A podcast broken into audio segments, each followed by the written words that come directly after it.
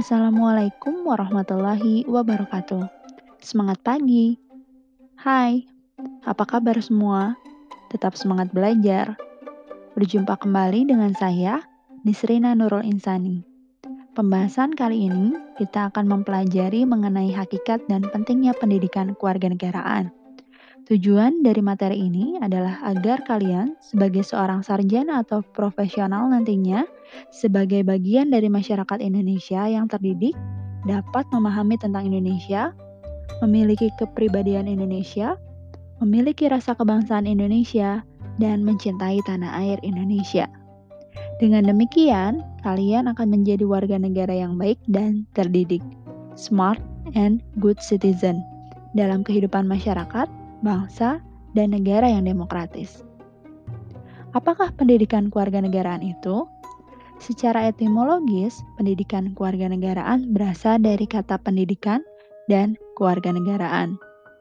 Pendidikan berarti usaha sadar dan terencana untuk mewujudkan suasana belajar dan proses pembelajaran agar peserta didik secara aktif mengembangkan potensi dirinya. Sedangkan keluarga negaraan adalah segala hal ihwal yang berhubungan dengan warga negara. Secara yuridis, pendidikan keluarga negaraan dimaksudkan untuk membentuk peserta didik menjadi manusia yang memiliki rasa kebangsaan dan cinta tanah air. Secara terminologis, pendidikan keluarga negaraan adalah program pendidikan yang berintikan demokrasi politik diperluas dengan sumber-sumber pengetahuan lainnya, pengaruh-pengaruh positif dari pendidikan sekolah, masyarakat, dan orang tua. Kesemuanya itu diproses guna melatih para siswa untuk berpikir kritis, analitis, bersikap, dan bertindak demokratis dalam mempersiapkan hidup demokratis berdasar Pancasila dan Undang-Undang Dasar 1945.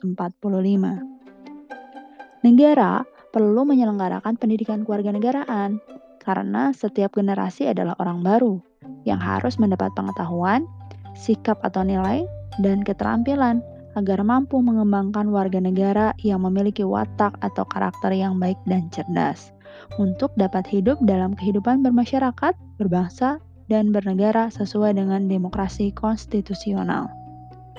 Secara historis, PKN di Indonesia awalnya diselenggarakan oleh organisasi pergerakan yang bertujuan untuk membangun rasa kebangsaan dan cita-cita Indonesia merdeka.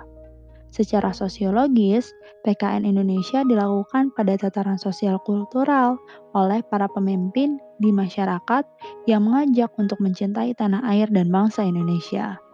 Secara politis, PKN Indonesia lahir karena tuntutan konstitusi atau Undang-Undang Dasar 1945 dan sejumlah kebijakan pemerintah yang berkuasa sesuai dengan masanya.